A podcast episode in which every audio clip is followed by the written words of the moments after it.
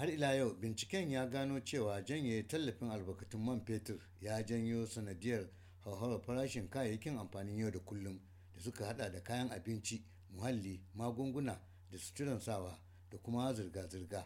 Sai uwa uba ta barbarewar darajar naira a kasuwanni. A wani rahoto da hukumar kare 'yancin dan adam na ƙasa ta fitar da ke garin gombe ta hannun kakakinta musta ali alola alfinta a sanadiyar wannan matsatsi ne da magidanta suka samu kansu ciki ta samu korafe-korafe guda 280 a shekarar da ya gabata wanda suka tantance daga ciki magidanta 106 sun kauracewa gidajensu sabili da kasa ɗaukar ɗawainiyar iyalan nasu. Kan wannan batu na tuntubi wani magidanci a garin gombe garba tela hero ga naudil gombe wanda kuma kimanin shekaru 50 kenan da yin aure yana kuma da 'ya'ya goma.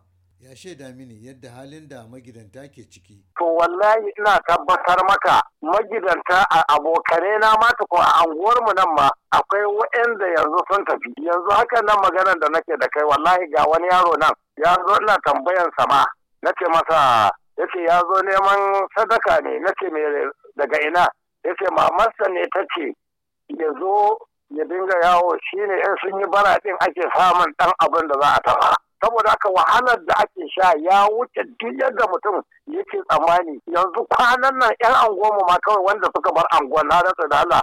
To akan wannan batu na tuntubi Malam Abdullahi Yalwa malami a sashen nazarin muggan ɗabi'u da daƙile su a kwalejin kimiyya da fasaha a Bauchi.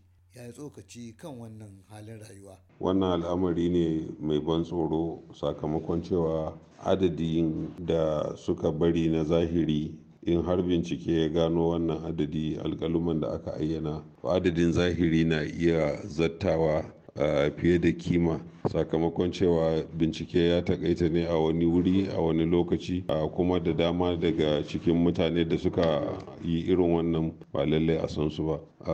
Abubuwa da dama na iya jawo wannan yanayi amma babba a nan kusa shine matsatsi na rayuwa da hauhawan farashi ta yadda ɗan abin da ke iya shiga hannun magidanta ba lallai ya ɗauki ɗawainiyan su kansu iyaye mazaje ba balle iyalansu.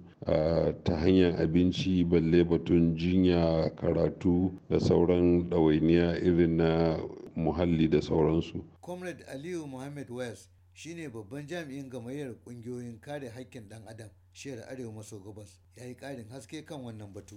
abin da yake haifar da ƙaurace-ƙaurace dama yawanci ko kuma shanin 'yan ta'adda sa'an nan damuna kowa yana ƙoƙarin yadda yake sai dai ka ga mutanen gombe kana na amma za ka iya yin noma a taraba tunda wajen kamar damunan su ya fi na jihar gombe.